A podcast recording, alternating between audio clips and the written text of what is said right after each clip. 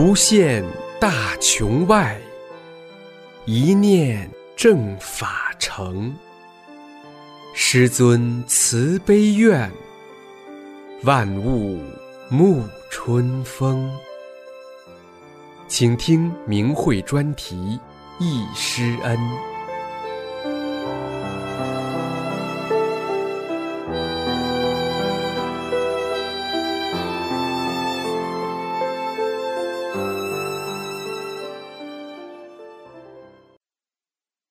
请听明慧忆师恩专题文章，题目是《难忘的往事，永恒的见证》，作者北京大法弟子。文章发表于明慧网，二零零七年五月十三日。我是一九九三年得法的，当年曾有幸多次见到师尊，读珍贵的回忆，使我心情久久不能平静。当时那珍贵的一点点、一滴滴、一幕幕，又清晰地展现在眼前，感慨万分。今年恰逢师尊传法十五周年庆，我想我也应该把我的故事讲出来，与大家分享，因为我深刻地体会到，我们每一个大法弟子就是大法的见证，尤其早年的老大法弟子们。我们与师尊、与大法共同走过了十五年的风雨历程，亲眼目睹了师尊传法的一言一行，亲身体验了大法无比的神奇伟大。我们见证了师尊正直、谦和、慈祥等人的一面，也见证了师尊宏大的慈悲及其法身时时处处对弟子的呵护、点化。保护等神的一面，我们见证了大法在世间为人去病健身、教人向善，使人类社会道德迅速回升，创建文明风尚等奇效；也见证了大法在另外空间除妖降魔、救度众生、开创宇宙新纪元等威严、神奇、玄妙和伟大。我们走过的路。每一步都印证了法轮大法的好和共产邪党的恶，邪恶的宣传谎言在这些事实面前体无完肤，不值一驳。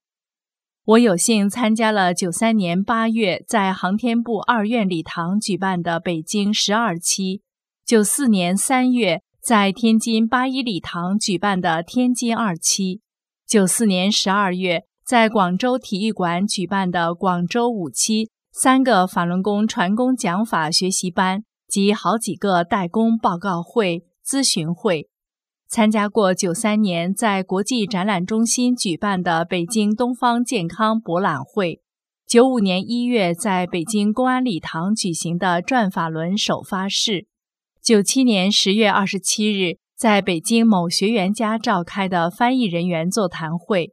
在这些活动中，数次见过师尊，这些如今都成了无比幸福美好的回忆。加上听说的故事，要写出来简直太多了。我想大家已经写过多次的，这里就不再重复了。下面是我的经历：觉者的风范。师尊讲法从不用讲稿。偶尔从衣兜掏出一小纸片看一眼，讲起来出口成章，由浅入深，娓娓道来。就这样，把博大精深的法理传给了一个个普普通通的世人。从此以后，这些人的身心发生了巨大变化。师尊无论在课间休息、课后答疑、专场咨询时，都极其耐心认真地回答学员各种问题，百问不倒，百问不厌。经常为了让更多人得法，挤出自己的休息时间，或利用班与班之间的间隙时间加班加课、办班办讲座，满足学员的各种合理要求。师尊能讲透宇宙中所有的一切，又能把每一句话都种到人的心里。使学员感到师尊像慈父一般，无人不心服口服。不仅如此，师尊在每一件小事上都身体力行，为学员做出很好的榜样，处处教我们怎样做好人，告诉我们处处为别人着想。记得有时在不对号入座的情况下，很多人为了看清师傅，习惯性的抢座占座。师傅友善地批评了这种做法，并告诉大家，作为一个修炼的人，应该怎样做才和常人不一样，才是修炼状态。在师尊教导下，在大法的班上，不仅再也没有抢座的事发生。老学员还主动把前面的座位让给新学员，把票让给新学员。这种行为是发自内心的，那么自然，那么纯净。老学员还按照师傅的吩咐，带动新学员。每次课后或会后，大家都把垃圾捡拾干净，收拾好场地才离开。尽管有服务人员，这也成了老学员的自觉行动。后来，在大法的场内，没有人吸烟，没有人吐痰，没有人喧哗，没有人乱扔杂物，大家互相帮助，文明礼让，整个场形成一派非常祥和的景象。而且，只要师尊一开讲，全场立即鸦雀无声，不用维持秩序。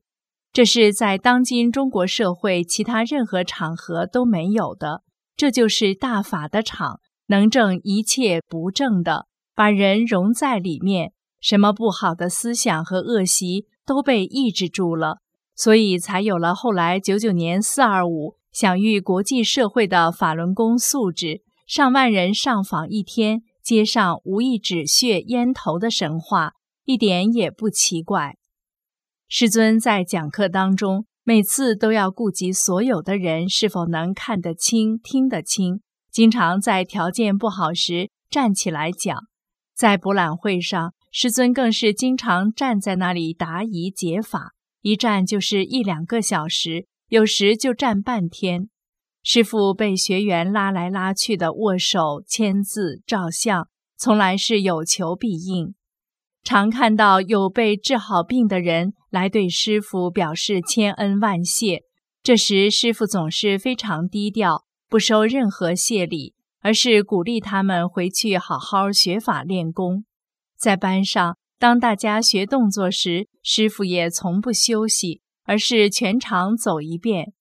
我亲眼所见，师傅绕着过道走过每一区域，如果有楼上的话，也都要走遍，目光扫遍所有学员，认真地纠正学员的动作，还经常对台前的每一个小弟子。摸一下前额，给他们调理一下。大法的威严，师尊的慈祥和蔼，使学员在他面前一点也不紧张，反而觉得很亲切。但是有谁要是干扰传法，师尊可不客气了。这一点在录音录像中我们都能感受到。我在北京十二期班上曾遇到邪魔干扰的情况。当时扩音器声音忽大忽小，并发出不正常声响。舞台灯光忽明忽暗。师尊与上边机房对话时，语气表情都非常严厉。我们当时不懂是怎么回事，也不太理解师傅的做法。后来在天津二期中间举办的一个报告会上，师尊讲了蛇精捣乱的故事，期间谈到了北京的这件事。我们才恍然大悟，在天津班上，有人问到师傅为什么咳嗽的问题时，师尊也谈到了另外空间的干扰非常厉害与传法的艰难，因为他们认为人类该毁掉这么好的法传给人太不值了，但大家都闯过来了，还说到现在为止，很多神佛看到有这么多人得法学法，渐渐服气了。开始不反对师傅传法了，理由是两个：没想到，没想到十恶毒世还有这么多人向善，没想到还有这么多人能修得这么好。所以师尊说，从这个班开始正式传功讲法了，讲的比以前深了，就是讲后来出版的《转法轮》的内容了。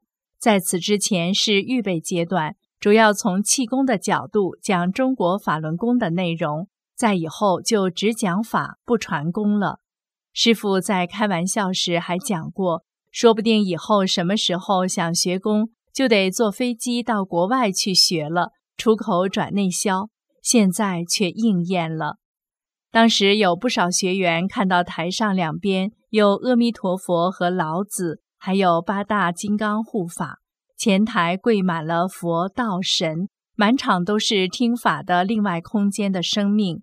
门两侧和每排座位两边都有天兵天将把守。师傅说，在另外空间没人敢坐着听法，只有你们坐着。在师傅后期的讲法中，才谈到为什么这么珍视大法弟子。可惜我们在迷中，却不知珍惜自己。许多得了法的人，在这场红色恐怖中走不过来，轻易地丢掉了这么珍贵的大法。当时我什么都不懂，也看不到，像听故事一样，但能感到全场那种超长的庄严、肃穆和神圣的气氛。这场景至今仍在我脑海里。师尊每个班都严肃地要求大家上课不许迟到，为的是不能少听一个字，也不允许影响别人听课。现在我们才懂得了听好课的重要性。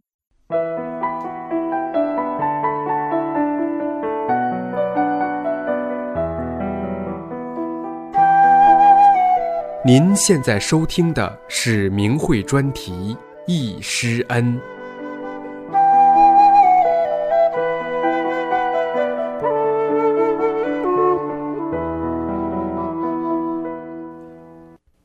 师尊办班收费很低，有时各种原因多收的钱都会退回的。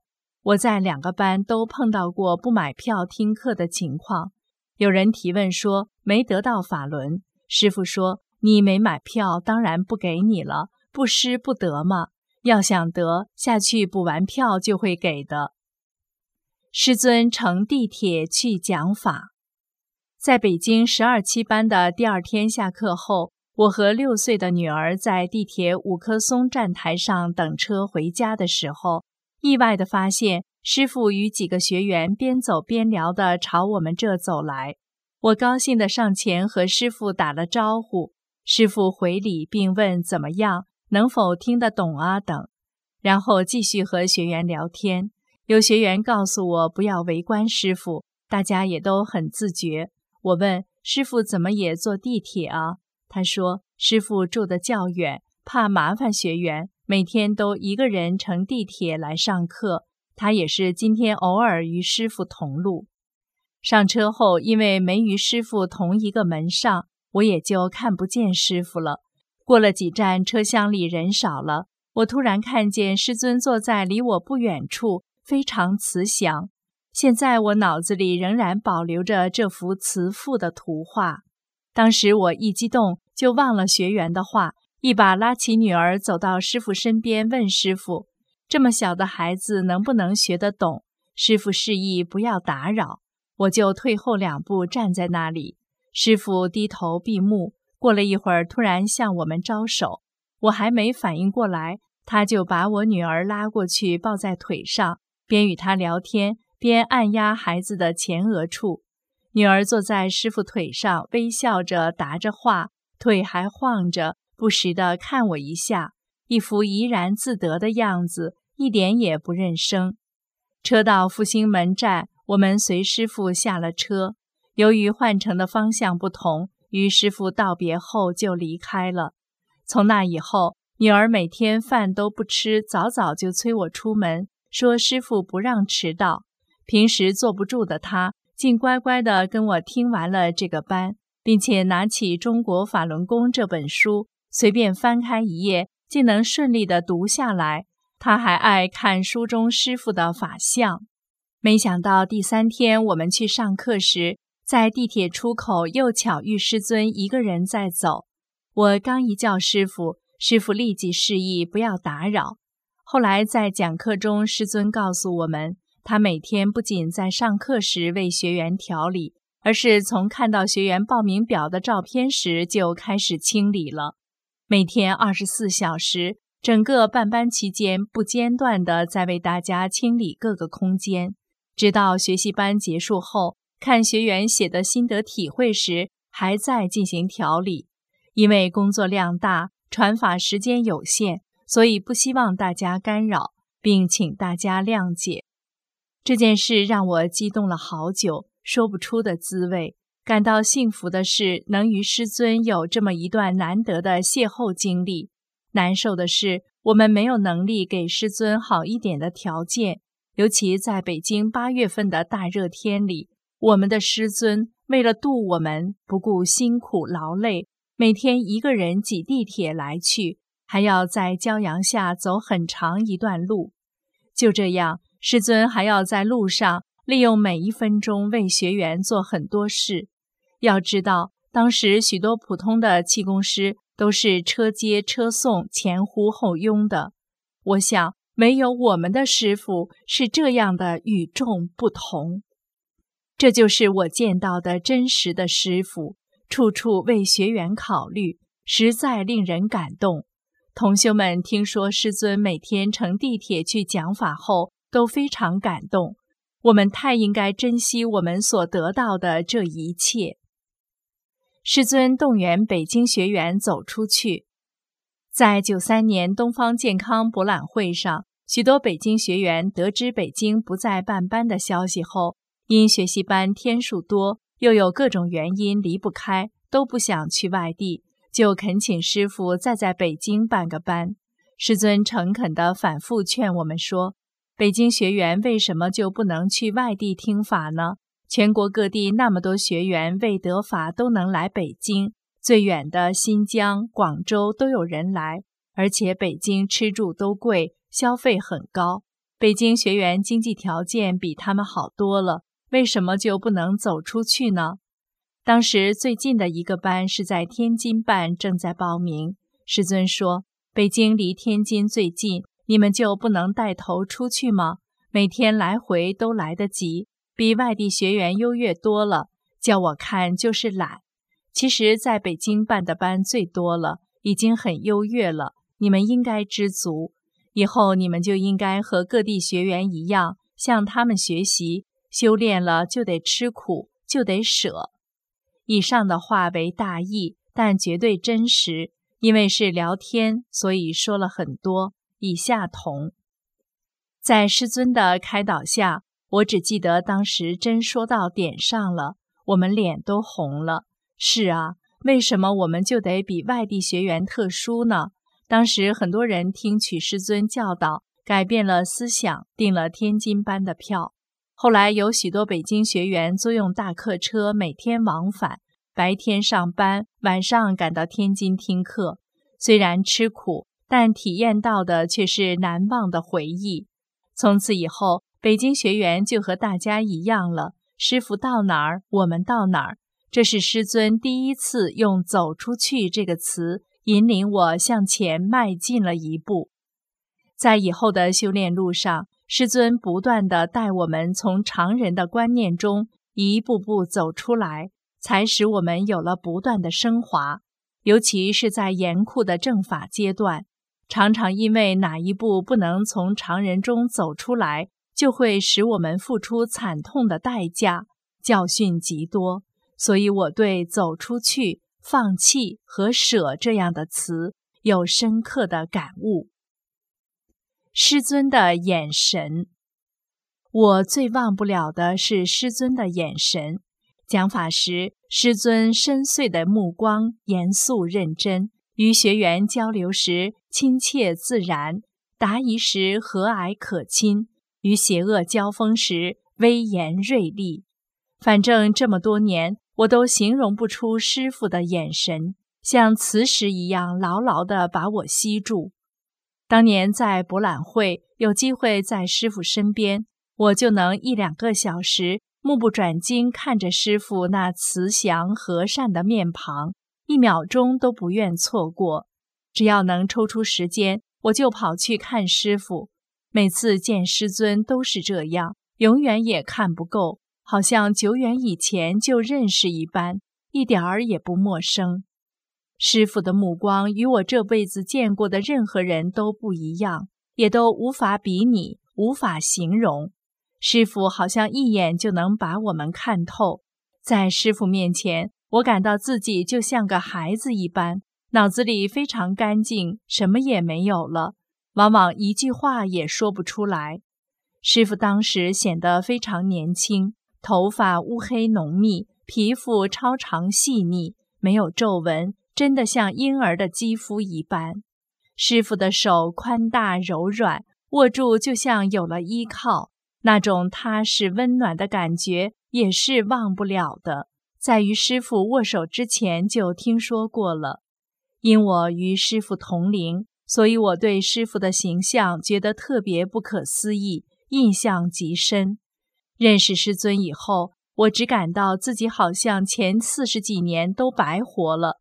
是师傅给了我新的生命，在以后的吃苦和磨难中，师傅的眼神一直长在我的脑海中，陪伴我闯过一关关，使我坚定信念，不信妖言，永不放弃，成为我永久的美好记忆。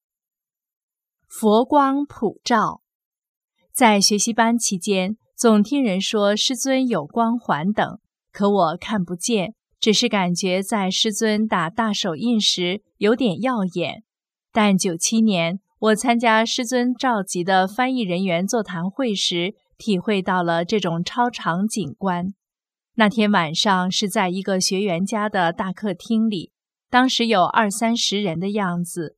师尊一进来。我就感到光芒四射，师尊高大魁梧，微笑地坐在那里，特别像一尊大佛，光艳无际。整个客厅显得金碧辉煌。我当时悟性很差，没意识到，光顾了看师傅，可能也没反应过来，还以为是灯光的作用，以为别人也这样感觉。后来与别人聊起此事，才知那只是我的感觉。直到今天写到这里，我都能看到当时那种满屋富丽堂皇的景象，栩栩如生。沐浴在这种佛光里的人是多么幸福啊！所以大家都会感到，在法轮大法的场里特别特别的舒服，因为佛光普照啊。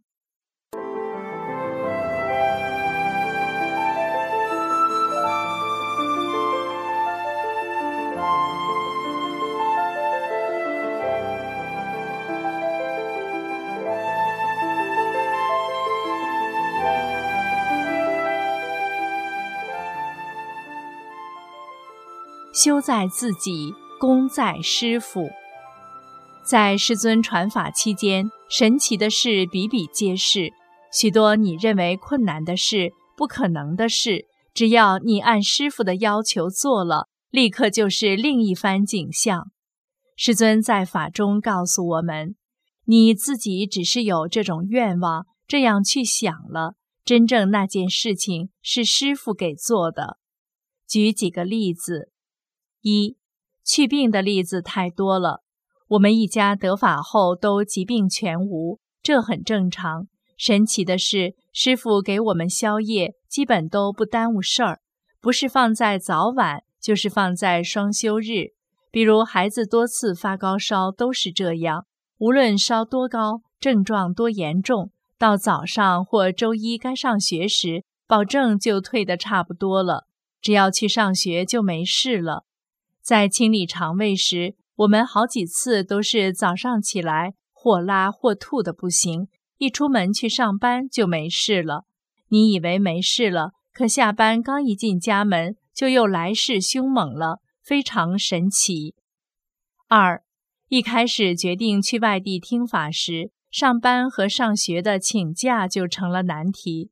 可当我们决心已定，真去告假时，奇迹就发生了。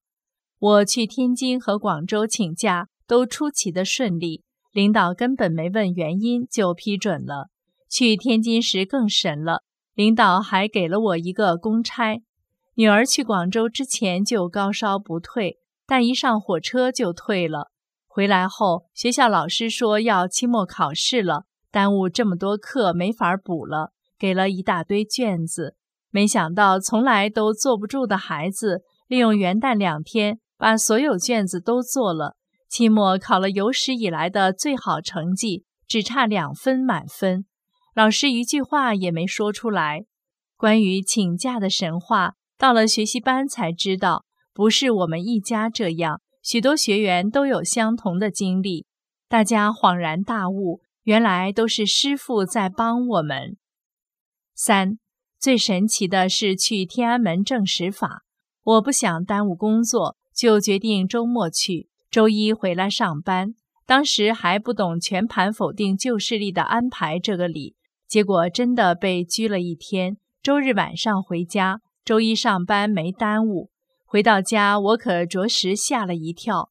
周末离家前，我怕当天回不来，就想给孩子把饭烧出来，因为我爱人也在外地出差。由于匆忙，走时忘记关火了。孩子晚上放学回家才发现锅已烧变形了，屋里全是烟，好悬啊！真是后怕。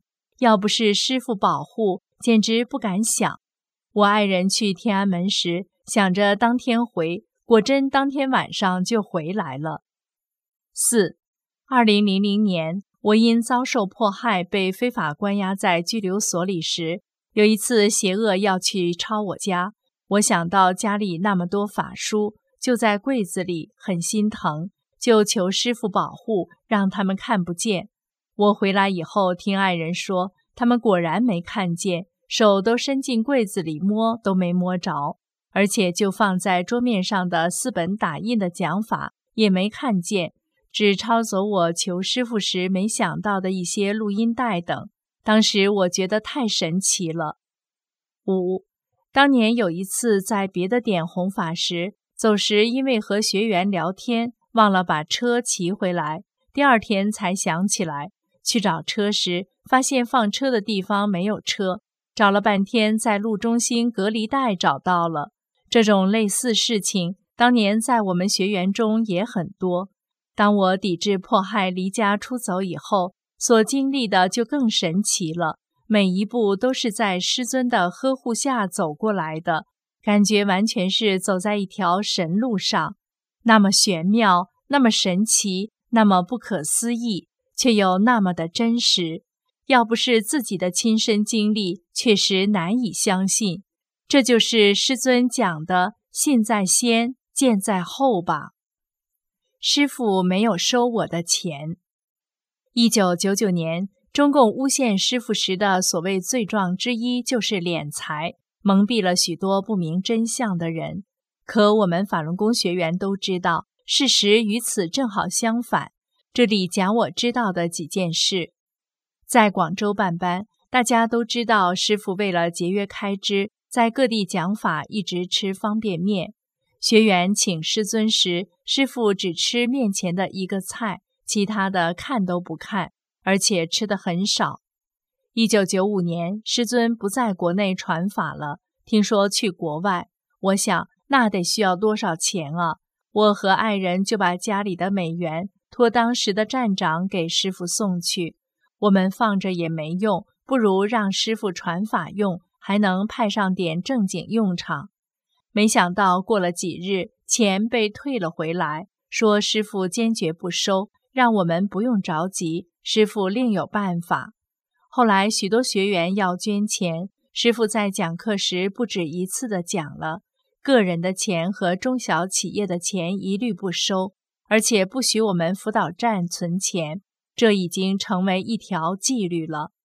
当年学员之间代购大法书时，从来都是按进价收款，有时盗版书进价比标价便宜，即使是一元钱，我们也都按失意退回。所有亏损都是服务的学员自己掏腰包，学员有困难的就由辅导员承担，大家都是这样做的。有时从练功点过路的行人买书时，按标价给我们钱，我们却按进价找给他多余的钱，很多人都不理解。这时我们会说，是师傅不让我们多收一分钱。往往路人都会赞誉我们的师傅。办班时，老学员学费减半，有人不知道时交了全款，也都被退了回来。当年做录像带时。也是用师傅的稿费做的。师尊为见义勇为基金会捐款。当年师尊从自己有限的资金中拿出钱来为见义勇为基金会捐款，大家都很感动，因为关于师尊生活节俭的传闻很多，老学员没有不知道的。我们亲眼所见也是这样，所以大家纷纷响应，很多人当场在捐款箱中投入自己的心意。我当时想，为什么师尊只捐给见义勇为基金会呢？是不是因为见义勇为是真正的舍己为人啊？现在我悟到，如今大法弟子在这场正邪较量的巨难中，对自己承受的生死威胁于不顾，舍弃个人的一切，甚至不介意被救对象及多数人的误解，多年如一日，前赴后继地向中国人讲清真相，救人的这种自发的又是群体性的行为。不正是常人很难做到的吗？不正是真正的舍己救人、见义勇为的最好见证吗？师尊对弟子的呵护，由于我们长期迷在人中，习惯用人的方式思考问题，在修炼过程中做得好、做得差，也常常不误。伟大的师尊却无时无刻不在我们身边，像慈父般看护着我们，利用周围的一切人和事点化我们。做对了，给我们鼓励；做错了，给我们提醒；摔倒了，扶我们起来；犯了大罪都不会舍弃。这样一步一步带领我们走到今天。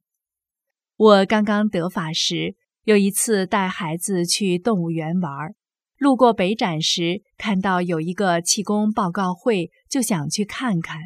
由于执着，不听爱人劝说，还是进去了。开始以后没一会儿，孩子就不干了，死活闹着要走，硬是把我拽了出来。后来才明白，是师傅借孩子救了我这执迷不悟的新学员。不然我就可能走偏了。我早年有一个极其清晰的梦，清晰到从那时到现在，我一直都把它当作是真实的。所以一提起珍贵的回忆，我很自然就想起了这件事。我梦见在一个像故宫一样的大院子里，有古代那样的大殿，红色的大亭子。其间有漂亮的长廊连接，这些建筑高出地面一米。院子里的地面也和故宫的一样。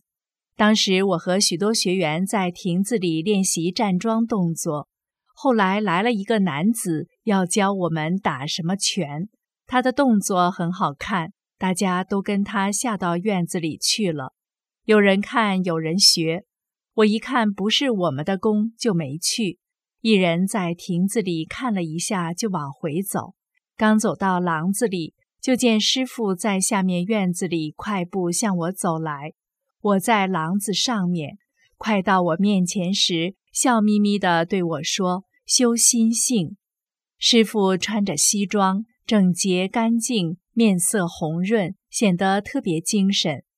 师傅说的这三个字非常清楚洪亮。我醒来的时候，感觉这声音像打进我的体内一样。这么多年过去了，多少梦都忘记了，唯独这个场景那么真实的留存在我心中。不仅当时是对我的鼓励，这么多年一直都在鼓舞着我，就让我永远把它当作是真实的回忆与大家分享吧。这十几年中，无论在弘扬大法中，在遭受迫害中，在上访申诉中，在全面讲清真相中，在许许多多的场合中，都有人问我同一个问题：你见过李洪志大师吗？当我给予肯定回答，并讲述我的亲身经历时，无论是领导、同事、亲朋好友、一般群众。还是六一零人员、公安、国安干警、监狱管教、预审犯人等，都会相信我的话，再也没什么说的了。我很幸运，也很自豪，真的值得骄傲。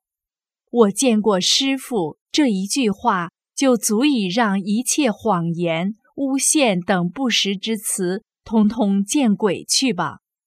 见过慈悲的师傅，从此改变了我的观念，改变了我的生活。改变了我整个世界里的一切，得到伟大的佛法是我人生中最值得庆幸的事，最重要的转折。大法早已融入了我的每一个细胞，成了我生命的全部。蒙受师恩十几年，能记录下来的也只是一点点。写此文稿时。都能感到自己沐浴在佛恩下的那种幸福、那种感动、那种美好、那种无限的慈悲中。大法弟子们正在以人的身躯、神的思想，实践着自己的史前大愿，创造着有史以来最大的辉煌。我能成为这其中的一份子，真的是很荣幸。我们就是大法最好的见证。